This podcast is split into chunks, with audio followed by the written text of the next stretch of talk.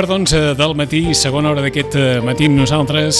La, nostra hora d'Europa vindrà ara també a través d'una connexió de, de mit. Veig, dona una sensació tota rara. Cada vegada que veig un mit d'aquests, penso en aquella imatge històrica de Graham Bell, quan el va trucar des de l'altra habitació el seu ajudant per dir que pot venir. Si veiés això, eh, segurament li, li, vaja, li vindria un cobriment i, i, i intentaria continuar, no? La tecnologia permet que tinguem aquí a tots els intervinents en aquesta hora d'Europa d'avui, 10 de juny. Com sempre, la conduirà en Joan Tutusaus. Eh, veiem en Joaquim Millan, enfadadíssim està en Joaquim Millan amb les institucions pels autònoms i companyia. Joaquim, bon dia. Molt bon dia. Molt enfadat estàs, eh? Bueno, una miqueta, una miqueta. Ja, ja, si, si hi ha ocasió ja també explicarem oh, i tant, què, no? però és que em sembla que en tens motiu com molts altres autònoms o petites empreses, eh?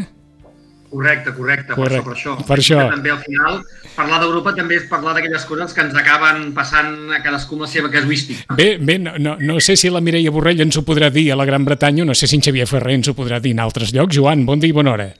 Bon dia, Vicenç. Tens a Vaja, a uns intervinents de luxe com sempre i en principi tenim moltes coses a posar sobre la taula després de la crisi sanitària, l'econòmica i etc etc. Doncs s'acompanyen avui amb en Joan Totusaus, en Joaquim Millan com sempre, en Xavier Ferrer qui hem tingut amb infinitat de, de programes al costat de, de l'Albert Balada i amb Mireia Borrell que és doctora per la London School of Economics, els anglesos que viuen també Vaja, que els ha vingut la pandèmia en el moment històric aquest tan entretingut que, que tenen, oi? Amb un primer ministre dels més entretinguts de la història. En fi, que tot segurament donarà per parlar molt. Joan, quan vulguis. Doncs, eh, efectivament, avui tindrem, eh, aprofitem aquesta tecnologia que va més enllà de Graham Bell, oi? Uh, per, perquè, a més a més, Joaquim, mm, nosaltres que sempre havíem plantejat aquest programa amb una trucada darrere d'una trucada i, i ara, doncs, amb això uh, ho podem, diguem, podem tenir tots els intervinents de manera simultània, oi? Bueno, jo crec que és una opció que, com a moltes altres opcions que estan, estem descobrint eh, gràcies o a conseqüència de la pandèmia, poden ser incorporades eh, amb, amb gran mesura o a vegades de manera excepcional a les nostres vides quotidianes quan tornem a la, a la normalitat, normalitat, no la normalitat aquesta que ens venen, sinó quan realment tornem a la normalitat perquè també són avenços que ens poden, d'alguna manera, ser positius a les nostres vides. Per tant, per què no? Doncs eh, ja ho apuntava en Vicenç ara, eh, ara a l'inici. Avui, bàsicament, ens centrarem en economia, em sembla, em sembla a mi, perquè probablement després de la, de la crisi sanitària, eh, la, la següent que ens ve, i, i, i si consulti les dades, doncs ja, ja les veu que la, que la tenim aquí, és la, és la crisi econòmica, la, la catàstrofe gairebé eh, econòmica que ens ve sobre. I entremig, doncs això, un helicòpter ple de diners que ens, va, que ens anirà regant no? I durant, durant els, eh, els propers mesos. Com deia en Vicenç, saludem a la, a la Mireia Borrell, experta en polítiques socials i política econòmica europea, doctora per la London School of Economics i que ha treballat en el eh, món acadèmic i també pel govern de Catalunya com a secretària d'Acció Exterior i de la Unió Europea, que no és poca cosa. A més, és editora i col·laboradora d'un blog d'economia en català que és Economicus. Mireia, bon dia. Bon dia, què tal? Gràcies per, per estar aquí i em sembla que, que després de la crisi sanitària l'econòmica serà la que, bé, el tsunami que ens ve ara, no?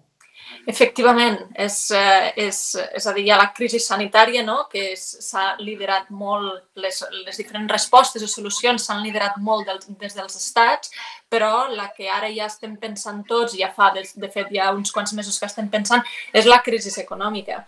Aquí és veritat que el, que, el, que el Joaquim ha dit al principi que està enfadat no, amb les institucions i tot. Jo aquí, per posar una mica el punt d'optimisme, eh, potser estic sorpresa positivament de la, del que està fent la Unió Europea, no? sobretot amb aquesta última proposta que ve de la Comissió Europea i que encara s'ha de provar pels estats, per tant, encara no, no, no, no, no diguem visca, no? però, però que és una proposta que, que realment és, és, és trencadora, és renovadora pel, pel projecte europeu. No? Són aquests 750.000 milions eh, dels quals, eh, és a dir, que venen de la Comissió Europea, s'endeutaria la Comissió Europea, i 500.000 milions dels quals vindrien amb transferències, que això sí que és eh, una, bueno, una cosa, com he dit, eh, bastant trencadora i que jo crec que pot posar la Unió Europea en, um, el, el paper de lideratge que, que hauria d'haver fet ja doncs, amb la crisi econòmica anterior i amb la crisi migratòria que tampoc va fer. No?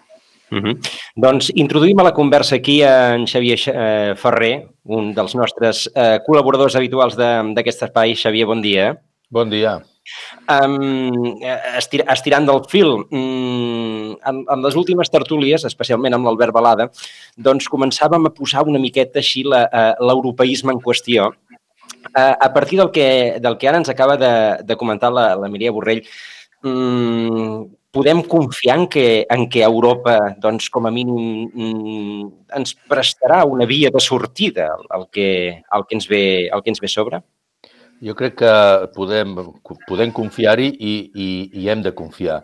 Eh, per, per donar més importància a les paraules que acaba de dir la Mireia, encara hi afegiria que, que aquesta nova realitat d'Europa, aquest, que, que, que és veritat que fins i tot ens ha pogut sorprendre, eh, ve d'una situació encara més allunyana o negativa, que era el principi d'aquesta crisi, que Europa o les comunitats europees o les institucions europees, millor dit, estaven desaparegudes.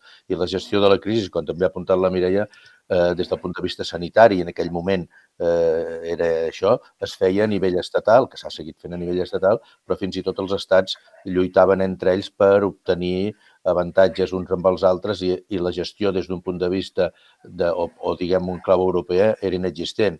Eh, al cap d'un mes eh, vam tenir l'agradable sorpresa, suposo també eh, per la reflexió que en van fer els propis estats, de tenir aquell primer cor de l'Eurogrup de 540.000 milions amb tres línies d'actuació, que podem explicar després, i que això és un diner que es pot disposar molt més aviat molt, molt més ràpid que els 750.000 milions que comentava la Mireia, que això serà per l'any que ve o pels dos dos propers anys. I a part d'això també vam tenir la, la bona, diguem, o la satisfacció, o en fi, no, la bona posició del Banc Central Europeu que en aquells moments, fa un mes i mig, va posar a disposició, ja hi ha hagut ús eh, d'això, de, de, de torno a repetir la xifra, no és el mateix, no és el mateix d'això, però era 750.000 milions d'euros per comprar deute dels estats, els quals s'han incrementat en 600.000 milions la setmana passada. Eh, això, a més a més, si afegim la gestió que se'n farà, que eh, evidentment s'ha eh, han d'acabar d'aprovar els estats eh, del pressupost comunitari, que comença l'any que ve amb una nova etapa, aquesta etapa dels set anys, que es fa, com sabem tots, cada set anys, doncs eh, aquest nou pressupost també adaptat a la realitat de la Covid, eh, estem veient que hi ha una ingent quantitat de diners per donar per gestionar la crisi econòmica que ja, que ja tenim a sobre. I això és una bona notícia. Doncs eh, a partir, a partir del, que, del que comenta en Xavier, el, el diable estarà en els detalls. És a dir, aquí estem parlant de molts diners, molts, moltíssims diners, probablement més diners dels que, dels que hem sentit a parlar molt de temps. Um, hem sentit també que els països nòrdics mostren el seu escepticisme sobre doncs, si els països del sud sabrem o no sabrem eh, o, o hem de tenir dret a accedir a aquests, a aquests fons. El diable, al final, com s'ha de provar encara, estarà en els detalls. I ara aquí ja mm, us, deixo, us deixo els experts. Jo, jo, jo, només vull afegir una, jo vull només afegir una cosa perquè els, els experts en economia són tant la Mireia com el Xavier, jo no, jo sóc eh, de lletres, que en diríem, eh? antigament dèiem no, de ciències o de lletres, jo sóc de lletres, però sí que la veritat, al final, tenim una cosa és el discurs, Mireia i el Xavier ens l'acaben d'explicar perfectament, aquest és el discurs. Després tenim una altra cosa que la societat és la percepció que tenim d'això, ja sabem que a vegades les percepcions no coincideixen amb una tercera qüestió, que és la realitat. La realitat, al final, és la de cadascú. Jo només us puc dir que eh, a casa nostra, si més no, eh, jo després de cotitzar tota la meva vida i només vaig tindre una baixa en un moment donat per el genoll, i com jo, moltíssima gent, per 45 dies em van fer anar a la farmàcia per donar-me una mascareta. El mes de març, eh, no pateixis, no pateixis, vaig tindre que pagar la quota d'autònoms. Vale. Ara Hisenda em flexibilitzarà el pagament del primer trimestre eh, de l'IVA, és cert, però resulta que el juny ja s'han oblidat m'han cobrat eh, tot, el, tot el tema de... Ho tenia plaçat, però m'han cobrat els tres plaços de cop. Suposo perquè no deuen tindre diners per la campanya de renda, perquè, clar, els diners que nosaltres durant el 2019 vam, vam pagar ja se'ls han gastat. I, per tant, han de tindre diners per... I com que els diners europeus d'aquest discurs encara no arriben, doncs estem com estem. Suposo que això no deu passar als altres països. Per tant, aquí tenim, i amb això acabo, un altre problema, i és de que la confiança de la ciutadania, si més no espanyola, la ciutadania espanyola, la confiança que té en les institucions, jo no, ja no dic només les europees, possiblement ja amb les de casa nostra, en aquests moments molt baixa. I això també és complicat quan tu has d'intentar que per sortir-nos d'aquí hem de fer-ho tots junts, la reactivació ha de ser també amb empatia, eh? amb empatia, i l'empatia també és zero. I, per tant, aquí tenim un problema, no? perquè no és només els diners, sinó com els utilitzem, de quina manera fem que la gent s'engresqui i per més campanyes de màrqueting i publicitàries, al final la realitat és la que s'imposa. No?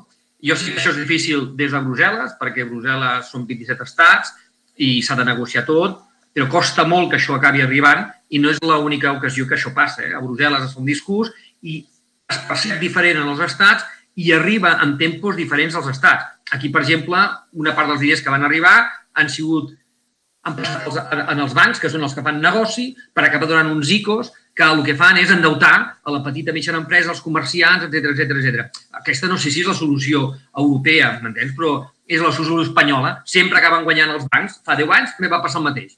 I, per tant, aquí arriba un moment que dius, eh, des del discurs de Brussel·les fins que arribem a casa nostra aquí, pel mig passen moltes coses. Jo crec que com recuperem, Xavier i Mireia, del discurs que heu fet al principi, que jo el subscric 100%, com fem que aquest discurs, quan arribi la realitat a casa nostra, no s'hagi perdut pel camí la confiança de la ciutadania?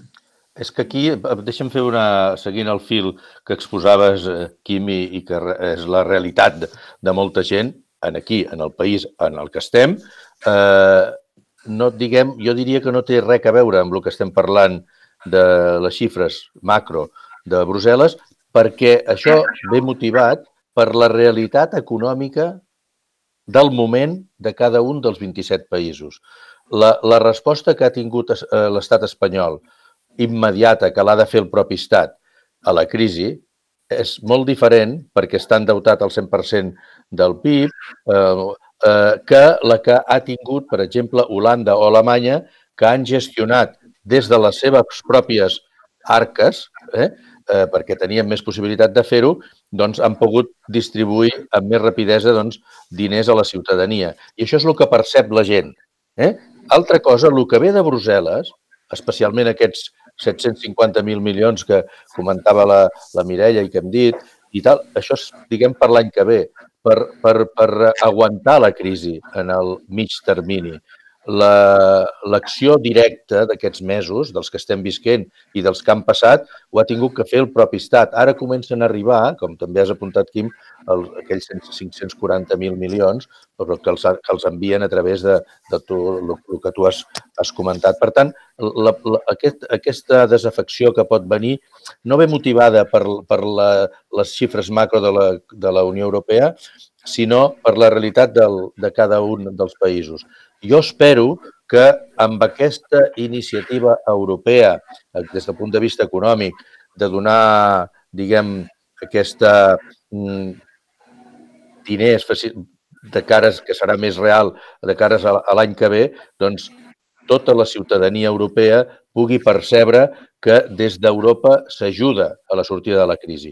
Perquè no, com agafant les paraules de la Mireia abans, eh, eh hem de destacar, voldria destacar que en, en aquests 750.000 milions n'hi ha 500.000 milions, que són molts diners, que és deute comunitari, que s'assemblaria a el que parlaven de, dels coronabonos, que no és exactament així, però és per primera vegada a la història de la Unió Europea eh, es decidirà, si finalment ho aproven els estats, que la Comissió Europea s'endeuti i pagui aquest deute, està previst que sigui de l'any 28 en l'any 58. Per tant, això és un pas importantíssim a la integració europea. Si, a més a més, es aconsegueix fer-ho bé i que la percepció de la ciutadania, no, no catalana, no espanyola, sinó europea, vegi la Unió Europea com útil, eh, serà un pas molt important cap a aquesta integració que des del meu punt de vista és totalment necessària. Integració política, cada vegada més ha de ser-hi, i també econòmica, especialment en l'àmbit fiscal.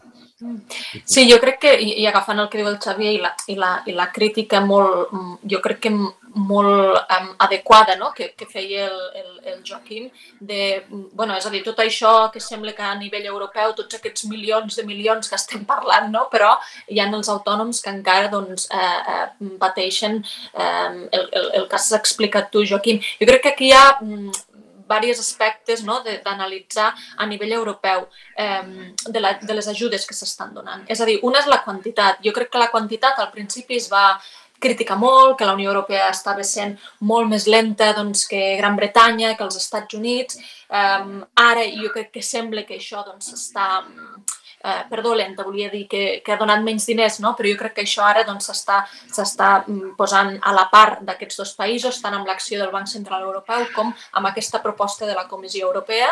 Eh, però després també hi ha la naturalesa, no? la naturalesa d'aquestes ajudes. Com hem dit, amb aquesta última proposta hi ha 500.000 milions que semblen que són transferències, eh, però la resta són molt crèdits. No? És a dir, si dèiem aquests 540.000 milions del, eh, de l'Eurogrup, eh, que són bueno, 240 40.000 milions de crèdits, eh, de préstecs a empreses, eh, després els diners del Banc Central Europeu també són compra de deute públic, per tant és també endeutar-se. Clar, el problema del deute, i això també ho vam parlar econòmicos en un article que vam fer, és, que, és que aquest deute al final s'ha de tornar. No? I, I això què fa? Doncs que hi hagin potser inversors que no se'n fien d'alguns països i per tant eh, fa que Espanya, tot i que sí que sap que té el Banc Central Europeu a darrere, perquè li està comprant deute, no s'atreveixi tant a gastar i a donar diners a la ciutadania i a les empreses per por de que al final aquests inversors mm, fugin, no? fugin la prima de risc eh, pugi i per tant es trobin amb un problema similar al que ens vam trobar a la crisi del 2008. I per tant jo crec que és molt important el que deia el Joan de que la, la, el diable està en els detalls. No?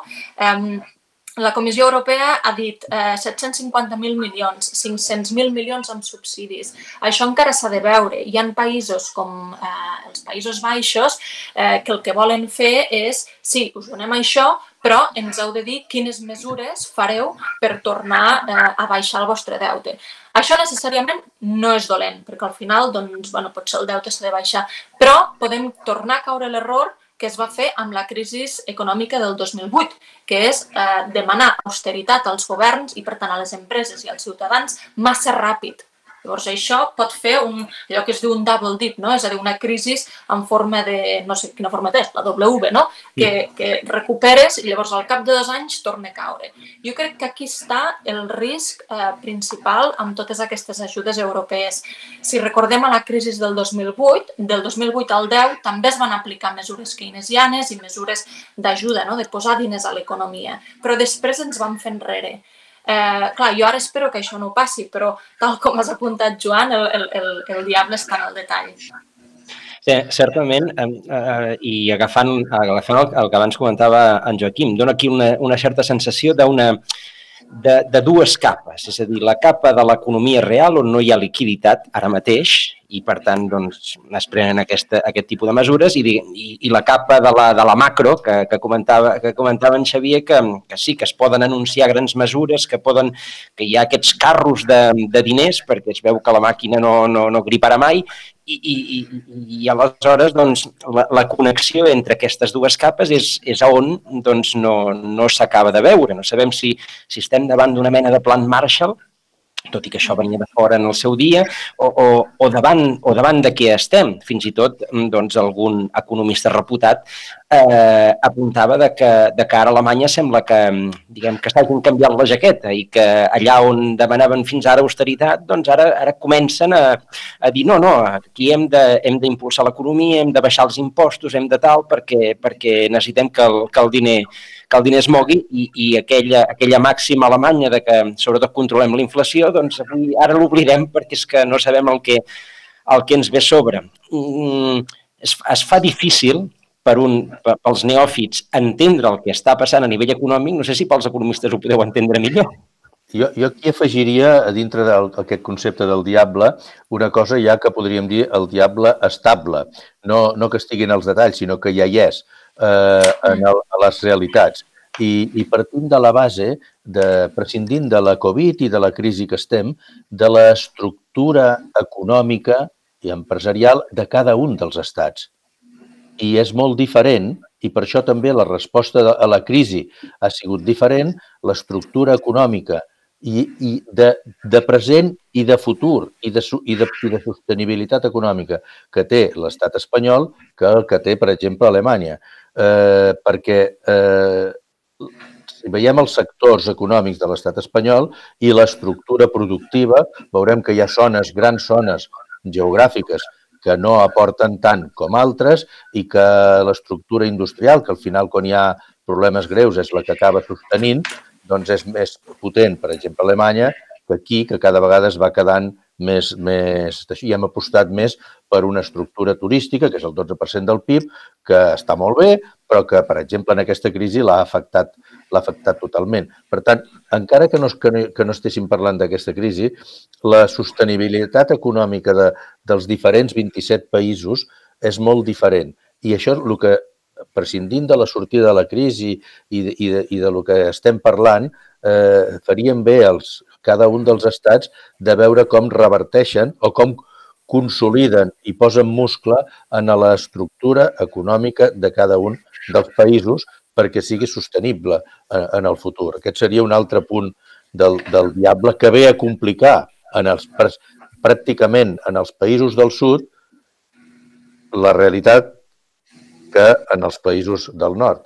I això vindria a ser una mica el que ve dir, eh, el que ve dir a Holanda de dir, escolta, us deixem diners, però eh, feu reformes. Eh?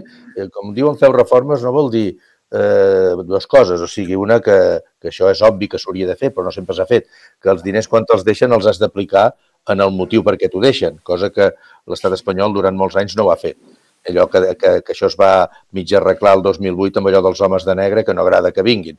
Però això és una cosa que s'hauria de fer. I l'altra, les reformes, vol dir es, fes una estructura de país des d'un punt de vista econòmic i de sector econòmic que aguanti, no aquesta crisi, sinó que aguanti en el futur de les, diguem, noves generacions en els propers anys. Sí, jo, jo crec, i per afegir el que diu el, el Xavier i, i comentar amb el que deies, Joan, de, de com passem del, de la macro, no? del nivell europeu a la micro, és a dir, els ciutadans, i tornant al que deia el Joaquim, que és que jo crec que és molt important de dir, sí, val, parlem de tots aquests milions, però com arriben no, els ciutadans? Clar, que hi ha diverses fases i jo crec que cada nivell de govern té responsabilitats. És a dir, a nivell europeu, ara el Banc Central Europeu ha estat el que ha tirat més i més ràpid, no? amb aquests 750.000 milions i ara afegint-li aquests 600 més. Um, després tenim aquestes transferències a la Comissió Europea que estem dient. Clar, això fa, és a dir, aquestes accions són molt importants perquè fan que el govern pugui incrementar la despesa, sigui amb més deute públic que potser és el que s'hauria d'evitar, però també en transferències. No? I per això aquestes transferències són tan importants.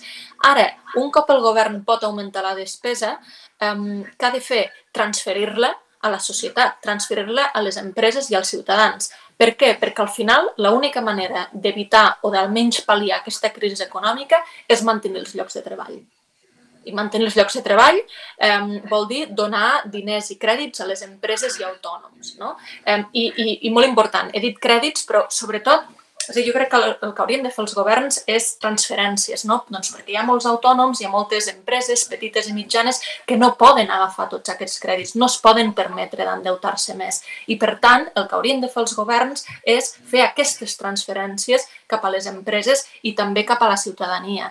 Um, és a dir, que l'objectiu al final seria mantenir aquests llocs de treball, perquè si tu mantens els llocs de treball, evites la pobresa, la desigualtat i evites que el teixit social i econòmic s'enfonsi.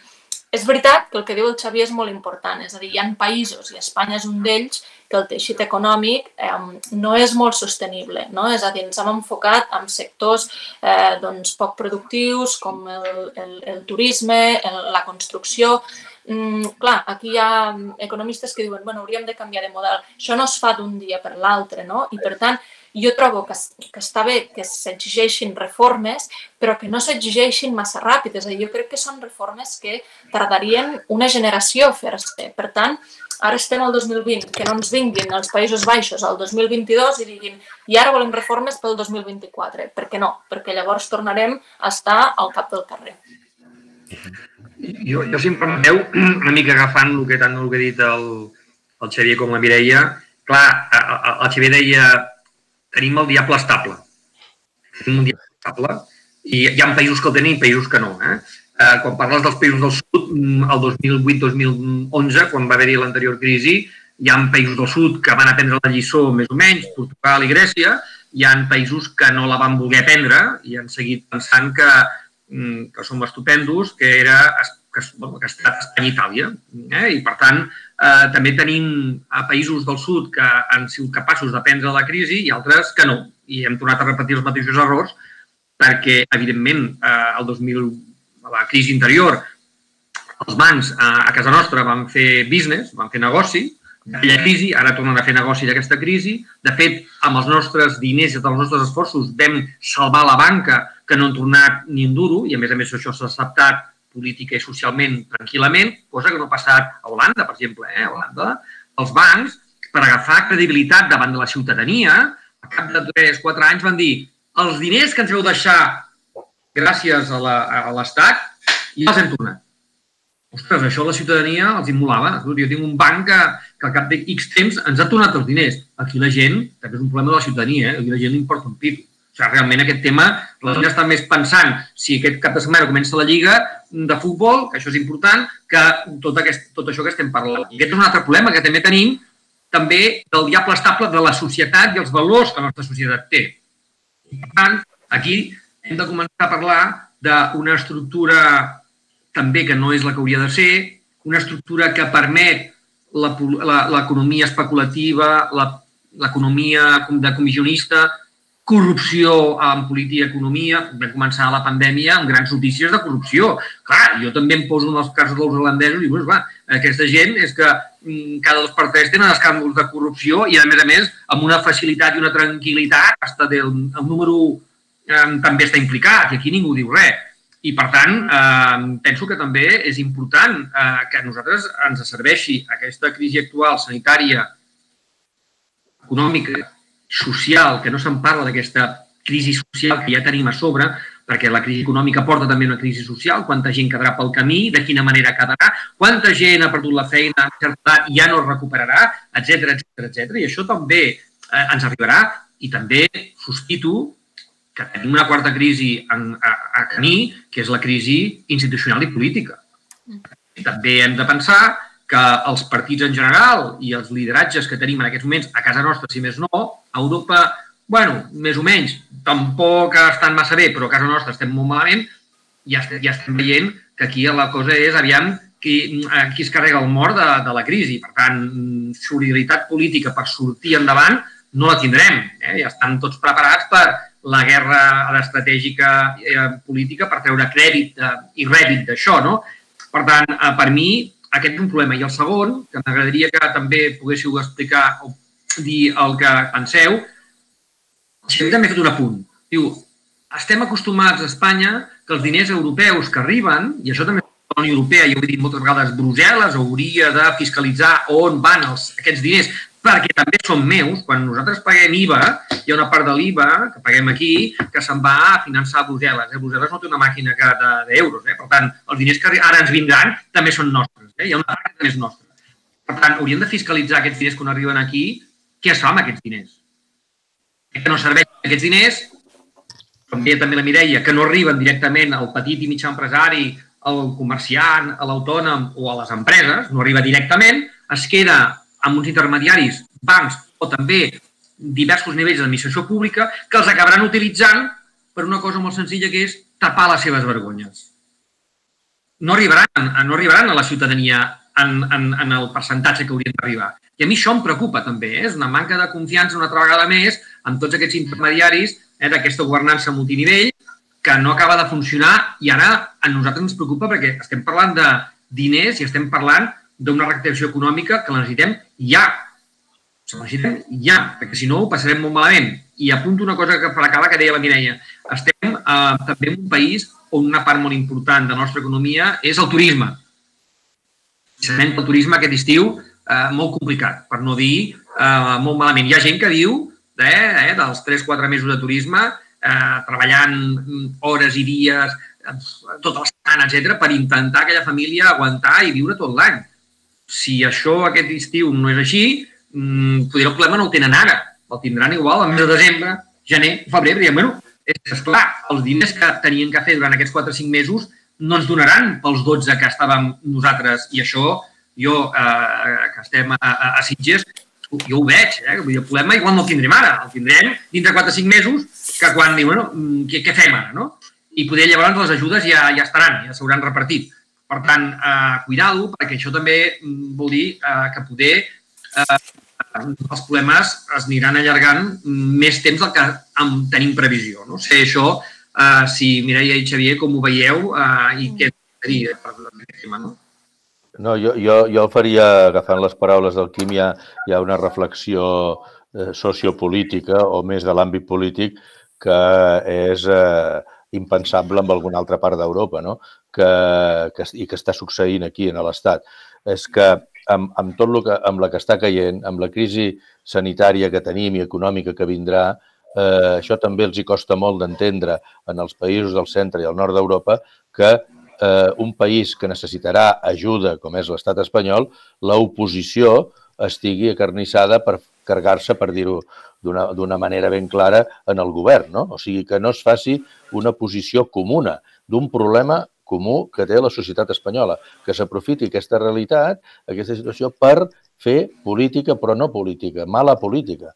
Això és, eh, és un, altre, un altre vessant que des de altra part d'Europa, dels del nord, no s'acaba d'entendre, no? Que amb un problema greu, doncs no tothom, els que han de fer la política al final és eh, ajudar la ciutadania, no? Doncs que no vagi tothom tirant del carro, que és veritat que el que no està al govern no és el seu carro, no? Potser, però sí que en general ho és.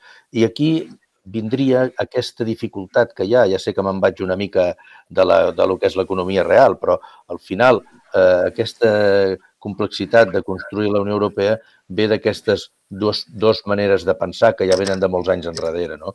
del protestantisme i del catolicisme, no? de veure una manera de, de treballar i, i de viure la vida des del rigor i des de la veritat i des de, diguem-ho així, la paraula potser no seria, però l'honradesa i tal, i l'altra d'una manera més eh, de, de la picaresca i de i d'anar fent, no? i de que si en tot cas ja ens ajudaran. I, per tant, aquesta cosa tan òbvia que, que, que també apuntàvem, i el Quim també ho ha dit, de que, home, és, és obvi que si et deixen diners, doncs eh, es, es controli cap allà on van, aquí no agrada, perquè, clar, mm, no es pot fer el que, el que habitualment es fa. I després jo voldria també apuntar que no estem sols en el món, no? Eh, la Unió Europea, al final, som només el 6% de la població i el 94% restant, va, que també té la Covid, va tirant. No? I aquí tenim eh, a Xina, eh, als Estats Units, amb un president inestable que veurem cap allà on va i que per primera vegada a la història, eh, per, per, per la línia del, del seu president, doncs no és europeista o, o trencaria aquesta hegemonia o aquesta realitat occidental i Rússia i altres estats que també venen a complicar una mica la realitat econòmica. I aquí trec aquest tema perquè eh, una, per una reflexió una mica final de dir o anem junts, els europeus o anem junts, o els ciutadans europeus trobem aquesta Unió Europea útil perquè realment ajuda i tal, o que serem irrellevants i encara es podrà ajudar menys eh, a la realitat quotidiana de les famílies i les empreses si no anem junts. Sí, jo agafo, mira, just el que ha dit al final i després aniré la confiança, però aquest anem junts, és a dir, jo estic mm, d'acord, és veritat, no? històricament la divisió entre el protestantisme, el, el, el catolicisme, això ha afectat molt a la manera de fer tant de les institucions com de la ciutadania, no? Eh, però jo també crec que els, els, els països del nord d'Europa mm, estan una mica plens d'estereotips que a mi em molesten bastant. És a dir, jo, jo, jo he viscut a Anglaterra, també he conegut gent no, de, de, de molts llocs d'Europa i de vegades rius no, per, pels estereotips, però de vegades et molesten perquè ja assumeixen eh, de que, és a dir, a tu com a persona t'assumeixen els estereotips de tota la mm. societat. Llavors, el que estan fent els Països Baixos, per exemple, no, o, altres, eh, o altres països nòrdics, és s'estan aprofitant del Banc Central Europeu que està reaccionant per evitar fer aquesta unió fiscal i aquesta unió federal que des d'aquí demanem. Perquè diuen, no és necessari, com que el Banc Central Europeu està posant tota aquesta quantitat de diners, no és necessari que nosaltres ens unim fiscalment. I per tant, ells també s'estan aprofitant d'aquesta situació, perquè si l'euro pete i si l'eurozona i la Unió Europea pete, ells també se'n perjudiquen. Per tant, jo crec que també una mica de dir-los eh, que es posin les piles, que sí, que nosaltres som eh, uns països, unes societats doncs, que malauradament la confiança en institucions i confiança ciutadana és més baixa que la que tenen allà, però que no per això se n'aprofitin per llançar tots aquests estereotips i per evitar eh, l'inevitable, que és que es faci una, una unió eh, federal. Uh -huh. uh, a partir, a partir d'aquí, mm, volia, volia introduir un concepte que abans uh, algú ha, ho ha apuntat. Um, el Regne Unit, però sobretot els Estats Units, al principi de la crisi, van decidir uh, una mesura que, que vista des d'aquí és gairebé uh, insòlita, que és que van, van uh, assignar un xec a cada americà. I van, els hi van donar, no sé si eren 1.000 dòlars o 1.300 dòlars, els hi van donar un xec a cada americà per per aguantar, com a mínim, el, el primer mes de, de bufetada de la, de la crisi. Ara han sortit, acaben de sortir eh, recentment les, les dades d'activitat econòmica dels Estats Units i, sorprenentment, són molt més bones dels que mm, es pronosticava. És a dir, que és possible que la, que la mesura d'introduir liquiditat en el sistema els hi funcionés. Aquí hem anat al revés. Aquí no s'ha introduït liquiditat al sistema, sinó que s'han anunciat, com comentava abans la Mireia, mesures que efectivament probablement seran molt contundents, però, però que no han solventat eh, la crisi, com ens comentava en Joaquim, just en el principi. Eh, aquesta, eh, aquesta poca cintura demostrada per les institucions europees eh, ens, pot, eh, ens pot acabar fent malbé la, les bones intencions d'aquesta recuperació anunciada? Sí, no, a veure, aquí hi ha una, una reflexió prèvia. A veure, és cert que la Unió Europea, eh, per deixar-ho clar, és obvi, no? Eh, és una unió d'estats, no és un estat, és una unió d'estats. Repeteixo, és una unió d'estats que per prendre decisions eh, s'han d'acordar encara ara, si fem la unió política serà diferent, però això no serà demà, eh, per tots els estats membres i moltes vegades fins i tot els parlaments. I, per tant, les reaccions a problemes molt concrets eh, sempre són lentes. Des del punt de vista europeu, són molt més lentes que un estat federat com és Estats Units, que pren la decisió el govern o la Reserva Federal i l'endemà tal, i encara són molt més lentes, i fins i tot els Estats Units també, que règims autoritaris com, com la Xina, no? que, que ho pren un i creuen tots. I això no, no voldria entrar-hi aquí perquè semblaria que faig una crítica a la democràcia, que a vegades la democràcia no ha de ser sinònim de rapidesa, sinó de solidaritat. Eh? Eh, però, eh, per tant, la primera reacció d'aquest diner helicòpter que es diu, eh, jo entenc per l'estructura econòmica i política de la Unió Europea que no la tenien que fer la Unió Europea, no la pot fer en dos dies la Unió Europea perquè ho han d'aprovar tots els estats. L'havia de fer cada un dels estats i alguns estats europeus l'han fet perquè tenien disponibilitat econòmica i perquè la volien fer, que era, que era per exemple, els Països Baixos o, o, o, o Alemanya. I aquí no s'ha pogut fer. S'ha dit en rodes de premsa, però al final, la realitat que explicava el Quim, els diners no han arribat. I és veritat que amb una crisi global com aquesta, que no, és, no ve motivada, és probable que s'hagués pogut pal·liar si haguéssim sigut més previsors, però no és com la de fa 10 anys, que és un sector que ha fet malament les coses, sinó que és uns governs que ens diuen ei, ve una pandèmia, empreses i treballadors, quedeu-vos a casa. No, no, jo no em vull quedar a casa, jo vull seguir produint. No, no, t'obliguem a estar a casa. Per tant, si, si obligues a estar a casa, has d'ajudar. Has d'ajudar.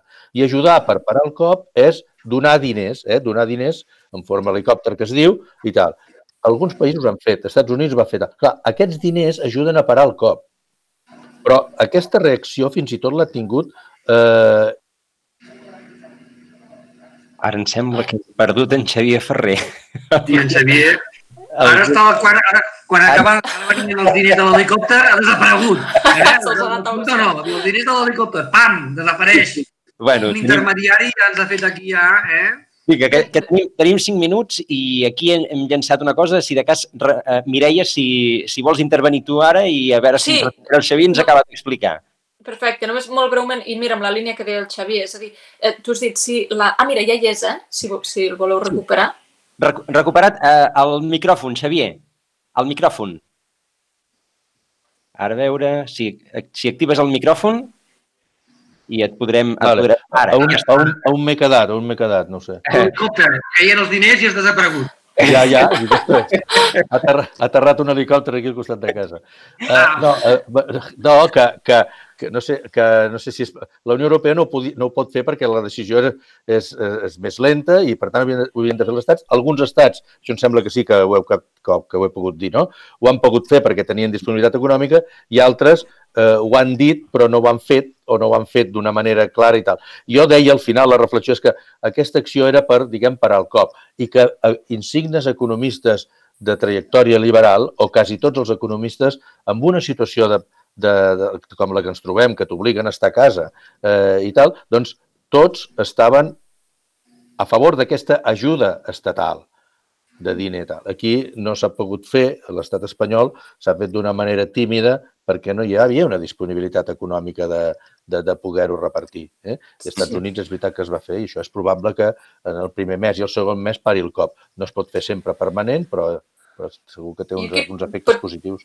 Potser afegir un, un, un matís, jo crec que important amb el que deia el Xavier, que, és a dir, sí que la Unió Europea està anant molt lenta, no? per, perquè és el que diu el Xavier, la democràcia doncs, són molts checks and balances, per tant ha de passar pels parlaments nacionals, s'ha d'aprovar, etc.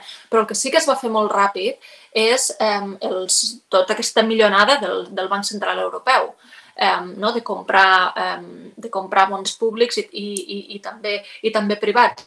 Mm, jo crec que això s'hagués pogut aprofitar molt més per part d'estats com l'espanyol. Perquè aquí el Banc Central Europeu el que va dir als inversors i als estats és el que també va dir el 2012 el Mario Draghi. Jo faré el que sigui per salvar l'euro. Per tant, eh, què va dir? Eh, feu el que vulgueu, que la prima de risc no pujarà i jo m'asseguraré que no pugi. Per tant, el govern espanyol jo crec que sí que s'hagués pogut endeutar eh, i donar, doncs, per exemple, doncs, el que es cregués necessari, eh, que potser és una discussió per un altre dia, si, si un xec eh, com es va donar als Estats Units o si transferències directament a les empreses, que jo crec que és lo important, repeteixo, no? mantenir els llocs de treball, tornar al que deia el, el Quim, mantenir eh, que els autònoms puguin continuar produint i puguin continuar obrint les seves botigues cada dia. Això jo crec que amb la amb l'acció del Banc Central Europeu que es va fer tan ràpida, sí que l'estat espanyol i altres estats haguessin pogut estar més ràpids, ser més ràpids i, i, i fer-ho. Uh -huh. Doncs eh, ens estem acostant, veig que en Vicenç ja es posa els cascos, això vol dir que la, que, que la cosa va... Ah, ah, haig, de, haig de fer de banc central, jo. És, és l'home és l'ho- és l'home de negre. Ah, ah, de, de, de, de, deixeu-me un minut només per preguntar-vos dues coses molt ràpides, tant en Xavier com a la Mireia. Una, si els anglesos se'n poden en sortir millor en aquesta nova situació i si el fet que Nadia Calviño pugui arribar a ser la presidenta de l'Eurogrup ens pot ajudar en alguna cosa. Jo crec que, que Nadia Calviño ve de d'Europa de, durant molts anys, ara la, la, va, la va, diguem, rescatar el PSOE per ser, per ser ministra. Si gestiona l'Eurogrup, crec que ho farà des del punt de vista en, en clau europea. És que, a més a més, és el que ha de fer. Jo vull pensar que, sigui, que, que ha de ser en aquesta línia. I sobre els anglesos, Mireia? I jo sobre els anglesos diria que els anglesos tenen una cosa molt bona, que són institucions democràtiques i econòmiques extremadament sòlides, però tenen un desastre de primer ministre. Llavors aquí no ho sé què guanyarà, no ho sé, perquè ja els he vist de tots colors. Allà l'estabilitat està a la monarquia. Això mateix. Sobretot, bé, mira, el, el marit de la reina que avui en fa 99, 99 Per això- per en fa. dic, doncs escolta'm, va, Imagina't. Joan, acomiada tu mateix. Doncs, eh, Mireia, eh, Xavier, ha estat un plaer doncs, eh, intentar eh, esbrinar eh, la, la bola de vidre que sempre ens agrada treure en aquest programa. I Joaquim, escolta, que la cosa vagi millor, perquè escolta, estàs més crític que jo últimament, eh? Què hi has dit? Moltes gràcies a tots tres. Molt bé, gràcies a Gràcies. vosaltres. Gràcies, Mira, gràcies a tots. I bon dia. I a tots vostès, demà a les 9 tornem una nova edició del Matí Nosaltres. Demà amb més temes sobre la taula. Adéu-siau, bon dimecres. A